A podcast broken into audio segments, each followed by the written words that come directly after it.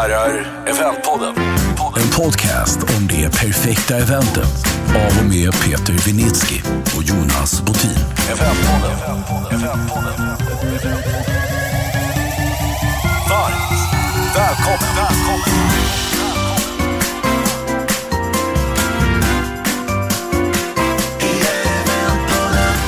Eventpodden. Jaha Peter, det är dags för en ny podd och vi tänker att vi ska ge oss lite i ytterkant mot vad vi är vana vid eventmässigt. Ja, men eh, en av mina andra passioner ska det här ändå tangera. Så att det är ju roligt. Förutom event finns det andra saker som är roliga i livet. Ja, ja men, eh, och det, jag gillar ju också den här grejen eftersom jag har hängt en del med det. Så att, eh, vi ska kombinera event och eh, fotboll. Ja. Det ska bli kul. Ja. Eh, Ska vi, det här är ju dagen efter Malmö har förlorat ganska stort, så ska vi bara ta den på en gång? vad, vad vill du ta? Ja, Jag är ju på Chelsea, så vad ska vi ta? Du är på Chelsea, okej. Ja, men eh, alltså... Ja, vi, det var någon som frågade på jobbet här, hur känns det att torska med 4-0? Jag känner så här, men i snitt så får vi väl in 40 miljoner per match vi förlorar. Jag tar den 4-0 torsken liksom. Det är okej. Och det är inte så viktigt. Det är viktigare på söndag mot Varberg, hur som helst. Tack. Då har vi stängt den. Eh, vi ska ju såklart in på hur man jobbar eventmässigt kring matcher, eh, komplexiteten med eh, fans, familjer, företags... eh, hela, hela perspektivet på när man gör stora evenemang. Eh, hur resonerar man kring risker och hur optimerar man liksom upplevelsen för så många olika viljor kan man tänka.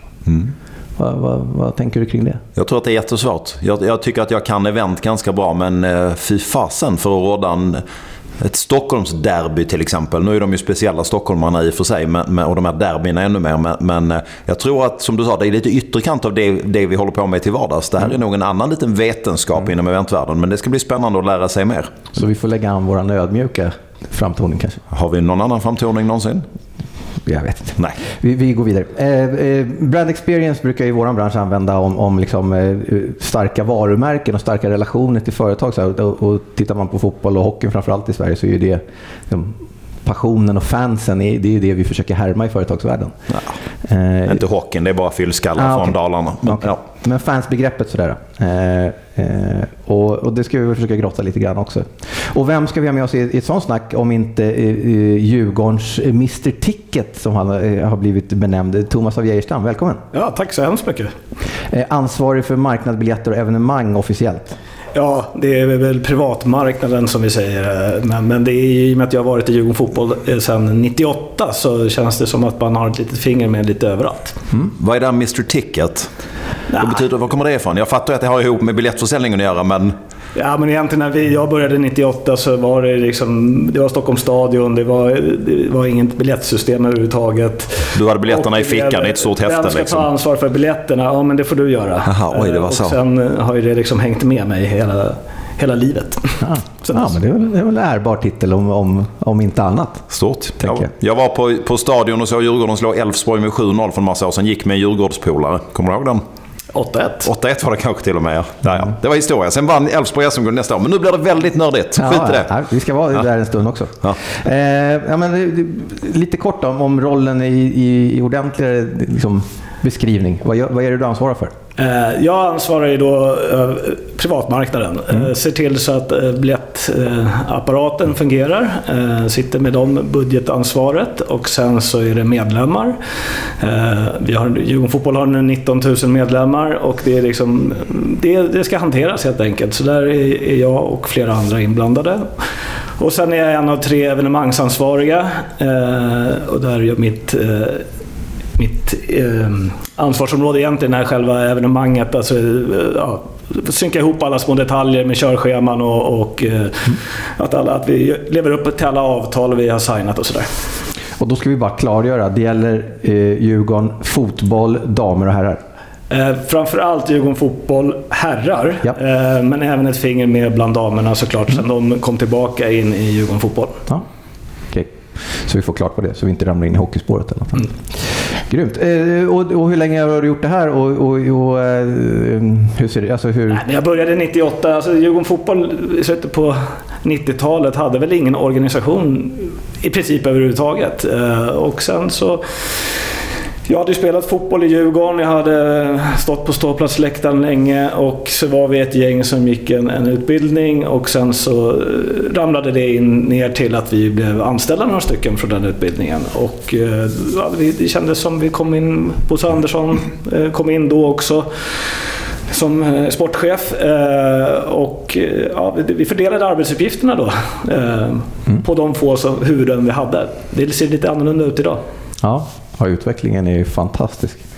Eh, och vi, anledningen till att vi har eh, spelat in podden idag, eh, onsdag, är att eh, i måndags så var första matchen utan restriktioner. Ja, det är, så. fan vad vi har längtat, ursäkta uttrycket. Men alltså, 2019 tog Djurgården ett efterlängtat SM-guld. Vi skulle liksom ta nästa steg 2020, hade jättebra försäljning och inför säsongen på biljetter och företagssidan och allting. Och så kommer pandemin som, för, som ja, lamslog oss alla i eventbranschen och det var väldigt jobbigt. Och sen hade man förhoppningar om att det skulle komma publik efter sommaren 2020 och sen bara, här tar vi nya tag, vi hoppas på våren 2021. Här.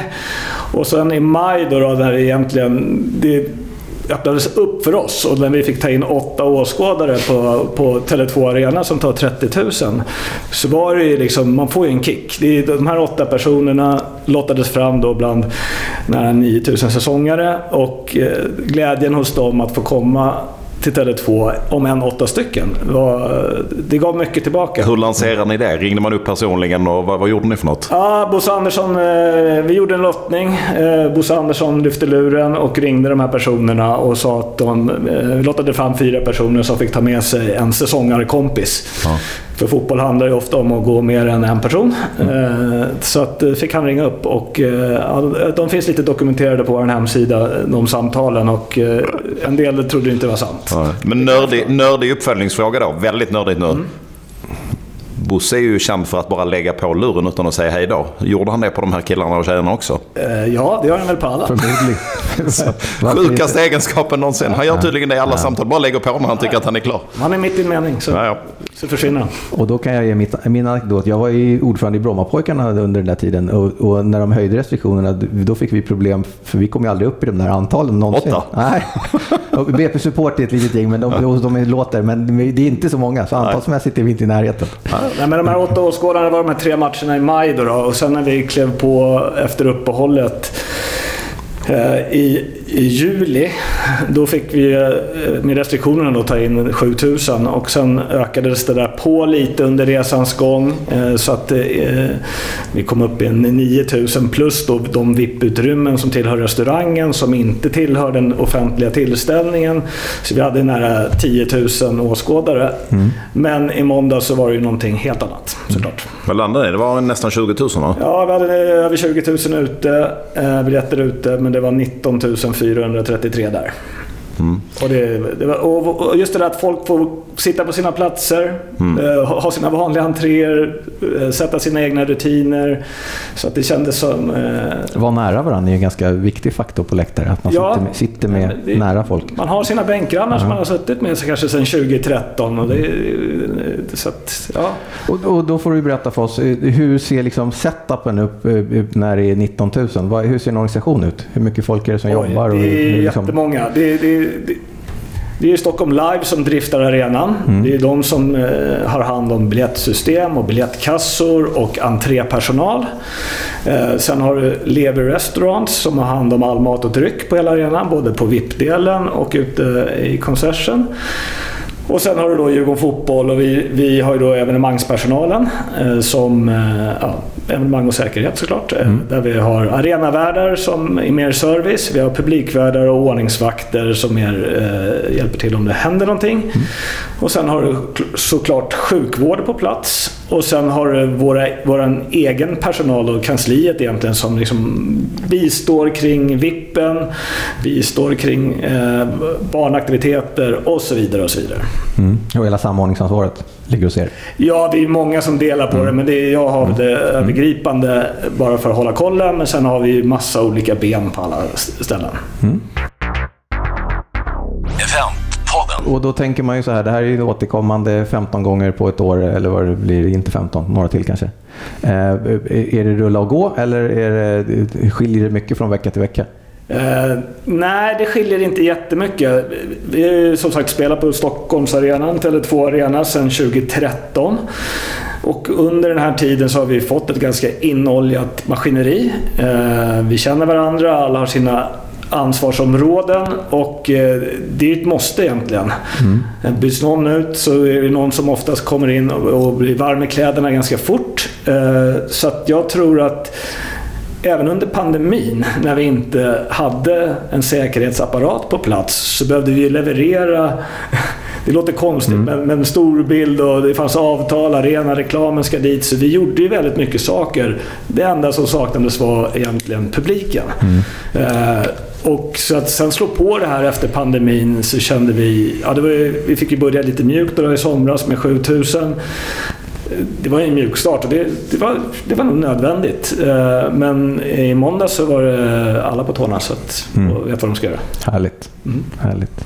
Och, och, och liksom projektledningsdelen som vi gillar på eventsidan. Vad, vad, vad, skulle du säga är dina starkaste egenskaper för att sitta på den här rollen som du gör? Nej, men det är ju att man har varit på alla stolar nästan. Mm. Jag har väl inte varit ordningsvakt. Jag hade faktiskt ordningsvaktsbricka en gång i tiden. Men jag, jag har ju stått på läktaren. Jag har eh, spelat fotboll i Djurgården. Jag har, eh, ja, men jag, jag har gjort allting. Så att jag vet lite hur förväntningarna ser ut. Jag förstår hur komplext det är egentligen att tillgodose alla de här delarna så att alla får en bra upplevelse. Mm. Och, och, och, alla då, det var vi inne på lite innan när vi resonerade. Eh, vi pratar fansen som är hardcore-varianter, vi pratar barnfamiljerna, vi pratar grabb eller tjejgänget som jag kollar, vi pratar sponsorer, vi pratar sociala aktiviteter, barn. Mm. Eller, ja, det, men eller? Det, det, det, är så brett så man anar inte. Och, mm. och eh, samtidigt får man inte glömma bort någon del. Alltså de hade våra säsongare, 8000 personer som går på nästan i princip varje match de har ju en förväntansbild, de kan rutinerna. Så har du en förstagångsbesökare som kanske inte vet eh, mm. vart jag ska gå, okay, vilken typ av biljett ska jag köpa, vad, vad, kan jag äta innan, hur tar jag mig till arenan?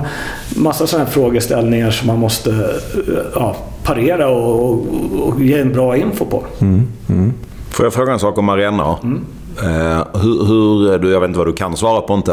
E, ekonomi, eventekonomi. Mm. Betalar, man, eh, liksom, betalar ni en peng till Stockholm Live för att hyra arenan eller är det liksom baserat på hur mycket gäster som kommer och sådär? hur, hur funkar det så? På Nej, det är både och såklart. Eh, det är klart det finns en, en fast grundpeng och sen så är det ju såklart baserat, för vår del då, baserat på antalet åskådare. Och så är det de som driftar all food and beverage och allt sådär. Så ja, och där liksom den, den intäkten tar ju inte Djurgården Fotboll som det kanske är på Malmö stadion då, men, men, men eller Eleda Arena. Bra, snyggt. Eleda stadion. Eleda stadion ja. Utan eh, vi har ju en kickback såklart ja.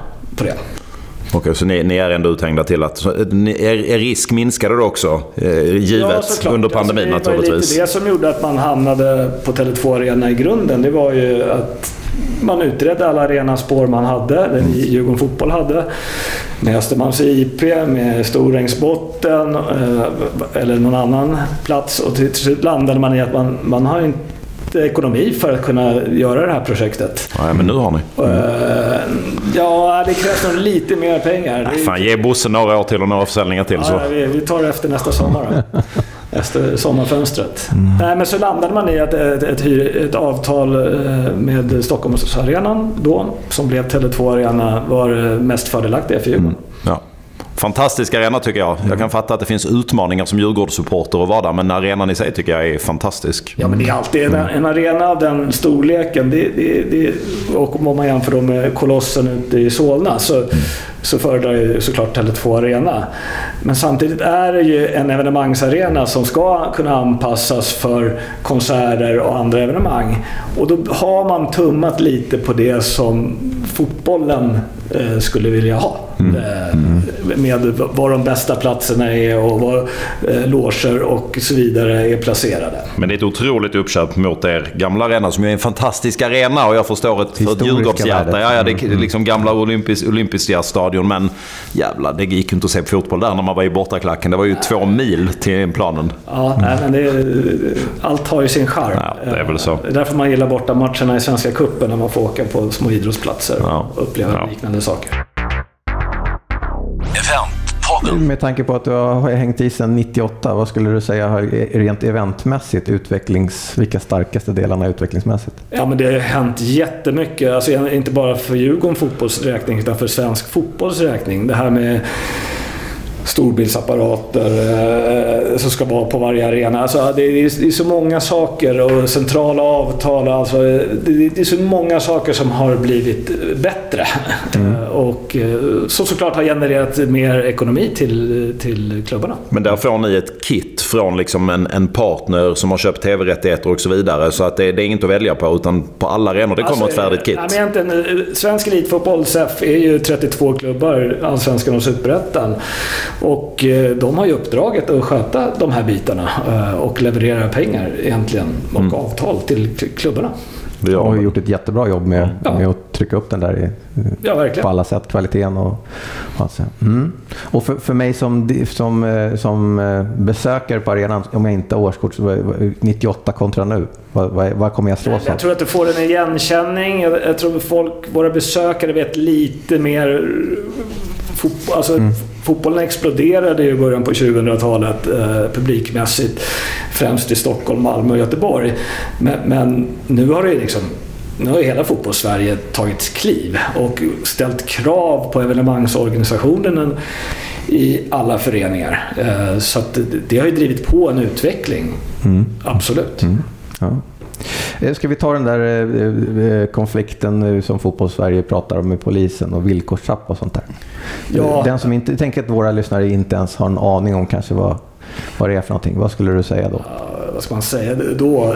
villkorstrappan är ett sätt att sätta krav på arrangörerna egentligen. Att, att göra uppföljningar och i tillståndsskrivningen sätta, ja, kanske åskådarbegränsningar eller andra eh, saker eh, som vi måste uppleva som, eh, uppfylla som arrangör eh, för att det kanske har varit ordningsstörningar på en tidigare match. Mm. Och eh, vi är ju främst mot det här med, med publikneddragningar i och med att vi ser det som en kollektiv bestraffning. Och vi tycker att det är individerna som ska eh, bestraffas helt enkelt. Mm. Eh, om, om det begår brottsliga handlingar. Och, och, lite mer då, jag som inte behöver vara lika formell. Man kan säga så här då, vi brukar prata om att min, min gamla mamma ska förstå vad vi pratar om. Mm. Det handlar väl i grova drag om att ett gäng snubbar drar bengaler. Det kan vi tycka vad vi vill om. Jag älskar det personligen, men det är en annan historia. Eh, alla älskar det, men ingen vågar säga det. Ett gäng snubbar drar av bengaler, det får man inte göra och då kommer myndigheten och säger att nu får ni vara 2000 man färre i klacken nästa match. Det är i princip vad det handlar om, vilket ju ja. är helt idiotiskt. Det fattar ja. ju alla. Och där kommer man inte fram till polisen. Och polisen fortsätter att driva den tesen och det är det som är hela konflikten. Ja, Ja. Vi får se vad det tar vägen. Vi hoppas att, det, att vi ska komma framåt. För det, samverkan med polis och övriga intressenter kring fotbollen är ett måste. För att det ska vara trygga och säkra eh, arrangemang. Och. Vi tror inte på den vägen. Utan det är samverkan och dialog som gäller. Alltså har jag drömt att någonstans här bara för några månader sedan så gick de ut och sa att vi ska, vi ska skrota villkorstrappan? Ja, det var nog mer begreppet villkorstrappan. Utan, eh, utan sen kom ju det här eh, dokumentet och det ja. var ju i princip samma sak fast man det hette något annat. det för villkorstrappan. Ja, okay. Då är vi kanske inne lite på säkerhetsdelen kring, kring evenemangen och sådär. Hur ser det ut 98 till nu och vad liksom, eventmässigt säkerhet? Vad... Ja, jag skulle säga att, att alla klubbar där ute tar ett större ansvar nu än, än tidigare. Det blir ju ganska tydligt tydligt med den tillståndsskrivning som vi får då eh, för evenemanget. Eh, hur många ordningsvakter vi ska ha, hur många renutbildade publikvärdar vi ska ha. Eh, så att det finns ju... Den samverkan är ju ändå mm. bra att vi ja, men vi får klara riktlinjer för vad, vad som förväntas av oss som arrangör. Sen har ju vi satt ofta ribban högre än så. Mm. För att ska vi ha mycket publik på våra matcher och folk ska komma tillbaka, ja, då måste man känna att det är tryggt och säkert. Mm.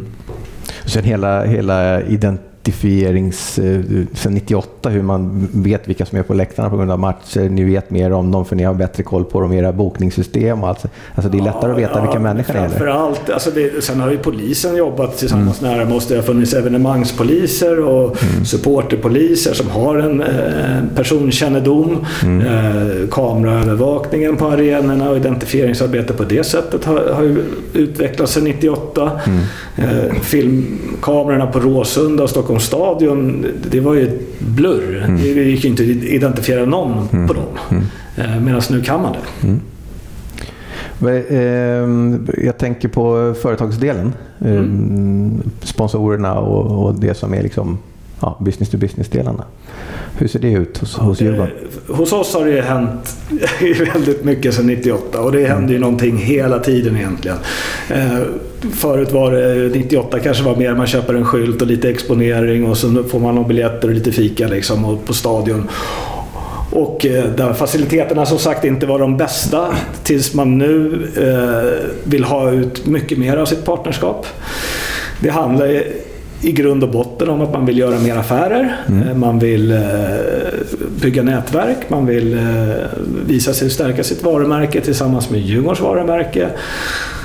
Och sen kan ju vi faktiskt skräddarsy lite vad behovet är. Det handlar ju som sagt om förväntningar, vad ett partnerskap. Eh, om det är exponering eller vi vill gärna exponeras mot era 19 000 medlemmar eller vi vill göra affärer med era, ert nätverk med andra företag.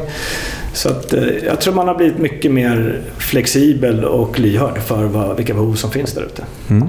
Ni har ju fantastiska möjligheter också på den arenan. Det finns Verkligen. ju allt från småloger till stora restauranger, avdelningar och så vidare. Så att... Ja, och sen har vi också inte stirrat oss blinda på de här 15 hemmamatcherna i Allsvenskan. Utan det handlar ju supermycket om att bygga en långsiktig relation. Eh, och göra andra former av event där vi liksom spelar padel, vi, vi gör mm. nätverksresor. Det, det händer väldigt mycket utöver de här 15 hemmamatcherna och även vi gör kundfotbollar, vi gör eh, även aktivering där vi tränar tillsammans och så vidare. Så det, mm. Sociala projekt. Verkligen. Mm. Får man fråga, jag har någonstans sett en, en eh, en tanke där, de, där man säger att eh, även bortamatcherna ska man kunna se på hemmaarenan i, holografiskt eller i, i sådana varianter. Så att man ska kunna fylla hemma också, dubbelt så många arrangemang. Mm. Hur långt bort är vi från sånt? Ja, det är vi nog ganska långt bort ifrån skulle jag säga.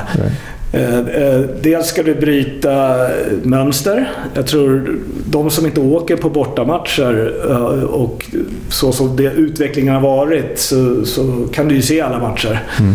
Och man hittar sin kontext och ser matcherna i om man går på en sportbar eller med familjen och så vidare. Så att ett sånt evenemang tror jag skulle få jobba lite. Mm.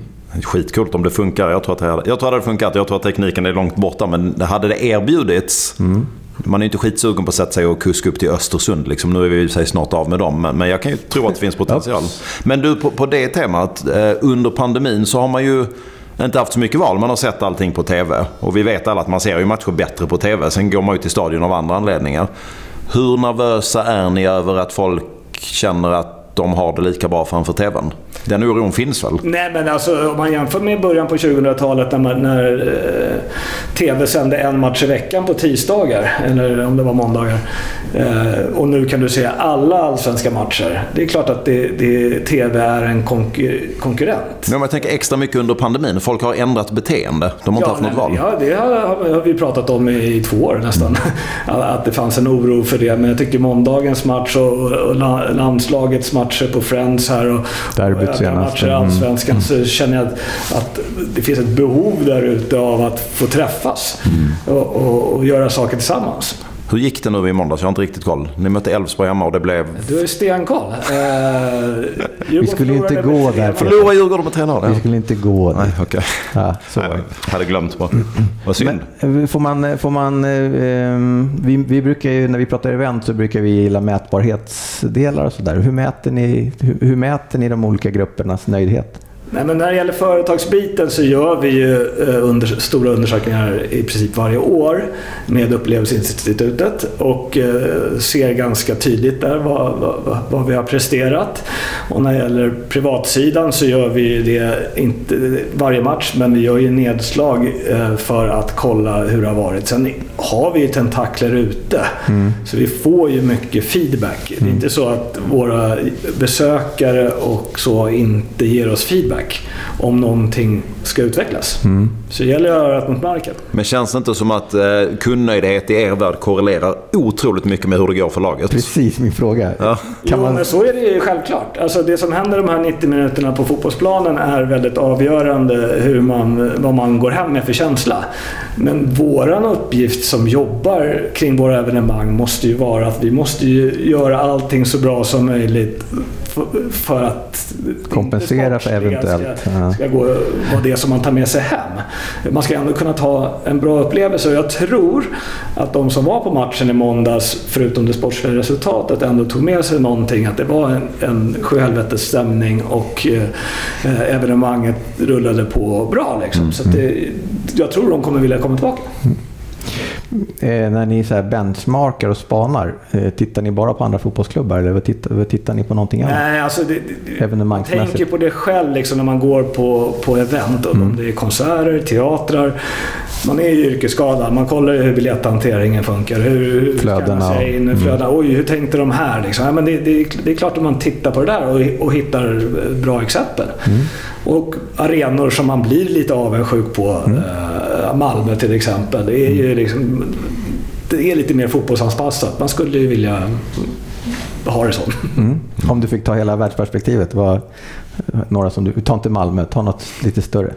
Har du sett Malmö har du sett världen. Det är ju en slogan i Malmö. Jag tycker det är härligt att, att, gå på O2 i London för att just mat och dryck där, att du har en variation på mat och dryck. Det ser inte samma ut i varje kiosk utan det är, du kan få lite vad som helst att äta. Mm. Det, det, tycker jag är en förebild. Jag tycker vi är lite inlåsta i att ha en, ett och samma utbud i varenda enhet. Mm. Eh, och mat och dryck är ju väldigt, väldigt viktigt. Mm. Så att, eh, där har vi en, en utvecklingspotential tycker jag. Ja. Spännande. Jag var på en hardcore-match med några kompisar. Vi var så Barnsley mot något annat lag i... Jag kommer inte ihåg om det var Championship eller vad det var i England för två, tre år sedan. Det var en hardcore-arena. Det var en riktig fotbollsarena kan jag säga. Det fanns en sak och det var en trött jävla paj. Alla var tandlösa, alla var släkt med varandra, alla skrek. Men jävlar vilken stämning det var på den matchen. Ruskiga gamla träläktare. Men det, det, var riktig fotboll på ett annat sätt. Det var inget riktigt evenemang, men det var riktig fotboll. Det där kan jag sakna. Ja. Alltså, man, man har åkt runt i England och Skottland och sett fotboll. Och liksom, det, det, man kan ju sakna det också. Att, att det här blir lite för modernt, lite för fint. Lite för tillrättalagt. Liksom, mm. Fast det är ändå, det, kommer, det är liksom framtiden. Är, vi blir ju mer och mer bekväma av oss oavsett vilken typ av upplevelse vi söker. Ja. Det är bara att förlika sig med. Vi har ju en konkurrens. Alltså, även om du gör saker på arenan så konkurrerar du med alla mat och dryckställen runt omkring. Mm. Uh, när folk åker till arenan så kan de åka från andra sidan stan och så en halvtimme senare så är man inne på Tele2. Så att alla är, man ska ju bryta mönster. Man måste ju skapa någonting och göra någonting som som sticker ut. Mm. Eh, så nu gör vi på lördag mot Kalmar ett event i Annexet innan eh, för 1500 djurgårdare. Vad gör ni då? då? Eh, nej, men vi gör det ganska enkelt. Se till att det finns mat och dryck. Se till att det finns ett innehåll med intervjuer, musik och så vidare. Så man får hänga med andra djurgårdare. Samt koppla på lite barnaktiviteter. Mm. Och det, det, där annexet är ju ganska... Nu använder vi halva annexet och tar in 1500. Mm. Blir det bra och det finns eh, lägen att göra det igen så kanske man tar hela annexet. Det är väl skitsmart. Ja, det är väl skitsmart. Mm. Uh, och sen har ni en ännu större rum vägg i vägg som ni kan ta när det blir riktigt lyckat. Ja, ja. förutsatt att det är ledigt. Ja, jo det är ju det. Lite fler kronor och ören-fråga. Vad, vad, konsumerar en, en, en åskådare i snitt? Alltså, vad... Ja, det här är alltid en utmaning att mäta det. Ja. Uh, Biljettsnittet ligger på 170-180 kronor. Mm. Eh, sen har du liksom mat och dryckpengen. Är ju, där finns det något att göra. Det, det varierar ju liksom, beroende på vilken match det är. Eh, på derbyn till exempel har vi ingen alkohol. Mm. Nu har vi inte haft alkohol eh, på de här matcherna eh, efter pandemin. Men det höjer ju såklart eh, omsättningen och nettot. Men, men eh, ja, det är för lågt. Det, Där finns det att göra. Var är vi ungefär om nyfikenhetsskäl? Eller får du inte berätta kanske? Eller är det svårt att säga? Lägger man en 10 eller lägger man en... Det kan det är ju inte bli så mycket för många konsumerar ju ingenting. Ja, eh, jag tror det ligger på 15-20 Ja, något sånt ja. Men hela utmaningen är ju, där är ju hockeyn liksom förgrundsfigurer med sina två pauser och, och jävla massa avbrott. Man kan springa iväg och man missar inte så mycket. Det blir ändå tusen mål liksom. de har ju till och med utökat sin paus till vad är det, 17-18 minuter. Är det så pass? Vi, vi har ju våran 15 minuter från det att domaren blåser till att domaren blåser igång. Så det, det, det är ju det. Men du, hela det här från eh, amerikanska evenemangskulturen kring idrott. Där de ju har ett helt annat take på det här med mat och dryck. Där de ju går med sina lådor och liksom okej, who wants to buy popcorn och grejer. Har man valt bort det för att man vet att man skulle bli lynchad av folk som inte vill att de ska komma i vägen? Eller är vi bara för långt beteendemässigt därifrån? Varför finns inte sånt på svenska, alla svenska arenor överallt? Jag tror lite logistikmässigt. Jag tror att eh, arenorna over there är lite mer anpassade för att det ska gå att funka. Att gå trappa upp och trappa ner. Det är ganska tajt på de här stora arenorna för man har maximerat antalet åskådare. Så att, eh, att gå med ambulerande försäljning är tufft. Okej. Borde ju funka ändå. Det, men fan, med tanke på vad det kostar. Det är ju inte billigt att köpa liksom popcorn och läsk. Man tjänar ju in det där rätt snabbt. Om du, även om du har liksom fyra man i varje trappuppgång som springer. Ja, ja. Och min känsla är ju också att om någon gick förbi så skulle jag ju handla. Ja, förmodligen. Men att gå ner och ställa mig i kön och Jo, men missa. sådär, då kan man backa tillbaka till stadion 98. Men liksom, Då kunde man det, men det var också det man kunde. Ja, men då gick, gick runt och krängde glass på läktaren och sådär. Och, ja, men där var det av andra skäl man hade, ambulerande försäljning. Det var ju att folk inte kunde liksom röra sig runt Nej, om på det är för arenan. trångt runt om. Ja. Ja, härligt. Eventpodden. Ni är ju två klubbar som delar på den där. Mm. Funkar, det, funkar det bra? Ja, alltså det blir ett pusslande att få till ett spelschema. Eh, det är inte bara två klubbar som spelar på Tele2 Arena utan det kommer ju konserter och så som ska pusslas in också. Och eh, fotbollen är ju lite fyrkantig med hur, hur man spelar hemma och borta och sådär. Så att, eh, och vilka speldagar man har för att man har ett TV-avtal. Så det, det är ett pusslande varje år, eh, såklart. Eh, men på det stora hela så Hammarby flyttar in, då är inte vi där och de spelar sina matcher och så flyttar vi in och spelar våra matcher och då är inte Hammarby där. Så, förutom två derbyn. Så att, eh, jag skulle säga att det, det, är inga, det är inga större problem. Snarare kan det vara en fördel när vi ska titta på framtida arenaavtal och ställa krav på, på de, ja, biljettsystem och annat så kan det vara bra. Mm. Ja, vi har ju intervjuat och pratat med, med eh, Stockholm Live tidigare om just det där in och ut, hela komplexiteten med att Ja, det, är- det, flytta in. det är tungt alltså. Det, det är det jobbiga tror jag. Att vi inte kan, likt Malmö, låta, låta branding och sånt sitta uppe. Eh, utan det ska ner och så ska det kittas om och så eh, ska det upp igen. Så att, eh, men sen har ju även AIK Hockey och Djurgården Hockey i området och vi sitter ju med samma biljettsystem, samma arenadriftare så att vi är ganska tajta alla fyra i de här frågorna. Mm, förstår. Du, du, vi har rätt mycket folk, eh, unga som lyssnar, som eh, håller på att utbilda sig till vår bransch och sådär. Eh, eh, hur, om man vill hjälpa er att jobba i evenemangen i någon form? Ja, alltså, har ni för mycket folk som vill vara med för att tjuvtitta på matchen? Det, det, vi pratade om det så sent som igår. Eh, vi är ju fortfarande beroende av ideella krafter. Även om vi omsätter väldigt mycket pengar. Så ideella krafter som med stort Djurgårdshjärta. Eh, vi skulle inte klara matchevenemangen utan dem. Eh, både på herrsidan och på damsidan och kring vår ungdomsfotboll och de evenemang vi har där. Så, så att personal behöver vi alltid. Det är bara att höra av sig. Så den som vill lära sig om publika event, eh, Absolut. även om man inte har jättedjurgårdshjärta, så är det ett, strålande tillfälle att, Ja, att försöka. sen, sen är vi väldigt ställer upp. Det är mycket studenter och så som vill göra arbeten och göra praktik och sådär. Och vi försöker ju vara tillmötesgående där och försöker hjälpa alla såklart. Eh, för att vi, ja, det är härligt. Ni gör en snygg grej kommer jag på nu. Visst är det ni som har så här, det är lite, lite publikfrieri, men det är ganska charmigt. Att man, eh, när folk typ fyller jämnt och sådär så smäller ni upp det på storbildsskärmen? Eller är det Bayern? Nej, det är ni väl? Ja, vi gör det. Ja, eh, Som sagt, vi har 19 000 medlemmar. Det känns som någon fyller år varje dag. Ja, och det gör de ju. Garanterat. Och, Många av dem. Och eh, vi, i början så körde vi, eller för ett gäng år sedan, då tog vi alla som fyllde år den dagen. Men det blir liksom lite för många. Ja. Så att nu mera kör vi de som fyller jämnt. Ja, men det är ju jättefint. Väldigt enkelt att inte fler tar efter det. Det är ju otroligt enkelt att... Ja, men Det känns, nu har jag inte varit på alla arenor, men det känns som några, några andra gör det. måste Är det? Ja, vi gör inte det hos oss i alla fall. Ja, men då får, får du trycka på. Det är så. Storklubbar. Vi brukar ju prata lite bloopers och så här, när något, något går tokigt. Eh, och då menar vi kanske inte olyckshändelsetokigt utan mer att evenemangsknasigt. Eh, Så det, det, vad har du för bra grejer att jag bjuda har på? väl ingen sådär på rak arm, men kan ju, mitten på 2000-talet när vi hade någon match på Råsunda så fanns det ju väldigt många pigga idéer på att göra saker. Eh, bland annat skulle en elefant komma med matchbollen. Ganska tajt på där så, så gick den här elefanten bort tyvärr. Eh, så att det ersattes med ett gäng duvor. Som Bosse Andersson åkte Samma runt sak. och fiskade upp i, Uppland, i Norrtäljeområdet och kom till eh, Råsunda. Och de här duvorna skulle släppas ut vid matchstart. Ja, de flög ju inte iväg va?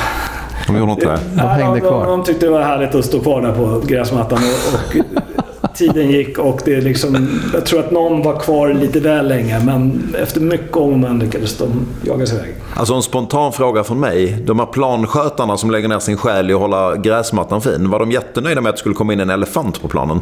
Eh, nej, det tror jag inte. Eller ingen frågade? Nej, hade, där hade vi, det, det är härligt med, med folk som har idéer. Eh, Även om de inte alltid är genomförbara så är det ju det, är det evenemangsbranschen handlar om. Att tokiga idéer, rätt som det är så är, är det någon som kan genomföras och som blir ganska rolig. Eh, det här blev då inte av, men eh, en annan gång kanske. Ja, ja. Men jag, det blev bara en gång med duvorna. Det blev bara en gång med duvorna. Ah, okay. Det är inte någon slags stående blooper också i evenemang i er värld nu? Att man lite för ofta har eh, kört både på Friends och hos er. Eh, att man envisas med att ha haft taket stängt lite för ofta och sen så drar de av sina bengaler och så tar det en halvtimme innan man kan spela för att röken inte försvinner Ja, ordentligt. det, det, det hänger inte på taket. Eh, Vi har ju haft match, alltså taket har inte varit på så ofta. Nej, det har det kanske inte. Nej, det, vi, vi, på, på Djurgården vi har haft, eh, i Svenska Kuppen har vi haft taket på.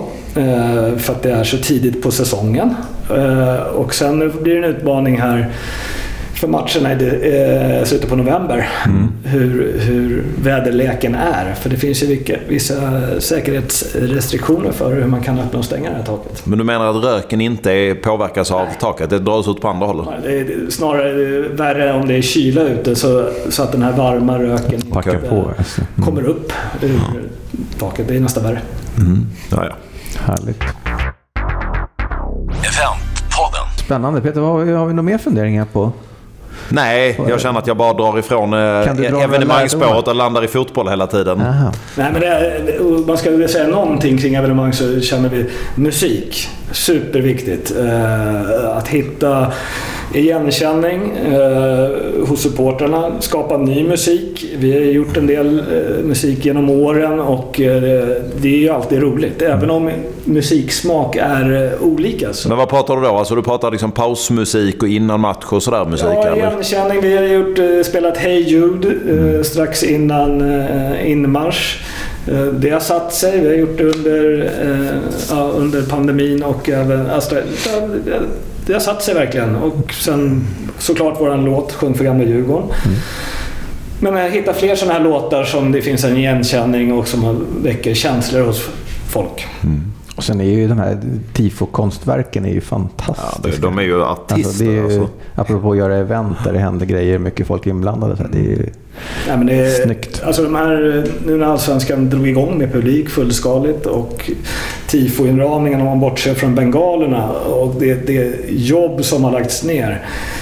Eh, jag vet inte ens var de målar någonstans. I garage, i... Ja, det, är, det är eldsjälar det alltså. Hus, alltså det, Ja. det är imponerande. Man får lyfta på hatten. Alltså det är, Det får du ta med dig till ditt nästa företagsevent Peter. Ja. Köra tifo på läktaren. Tänk på riktigt att ta in tifogrupperna och låta dem göra ett tifo. Fan, det där är bra. Ja. Det där ska vi, Det ska vi det ska vi fånga. Ja. Det där är så himla viktigt för, för fotbollens själ egentligen. Att det, där, att det här ska uppmuntras eh, med tifon. Kanske inte bengalerna då, men, men, men allt det här jobb med flaggor och allting som läggs ner och den stämning som skapas. Det är ju det är något unikt som finns i Sverige och det ska vi värna om och stötta och uppmuntra. Det är världsklass. Svensk Ja. tifo är världsklass. Absolut alltså. Eh, Då gör vi så att vi rekommenderar alla som lyssnar att gå och titta på Djurgården mot Kalmar På lördag. på lördag. Så får ni se hur ett evenemang ska gå till. Nu förutsätter det att vi får ut det här avsnittet innan lördag. Det är faktiskt en torsdag inser jag att det är nu, inte onsdag. Ja, det är torsdag till. Nej, klippa bort det. Worst case så var det förra lördagen. Då vet alla hur det går när de lyssnar på podden. Eller kolla Malmö då, om, man, om det krisar. Ja, det är också. Ja. Eh, Thomas, supertack för att du ville vara med oss. Ja, det är lite så. Kul. Peter, vi har lärt oss lite. Det har vi säkert. Svårt med stora publika evenemang. Jag avundas som inte. Nej. Men samtidigt jag kan tänka mig att pulsen är där. Det är nog verkligen, spännande. Verkligen. Tack för bra snack. Tack. Tack så mycket.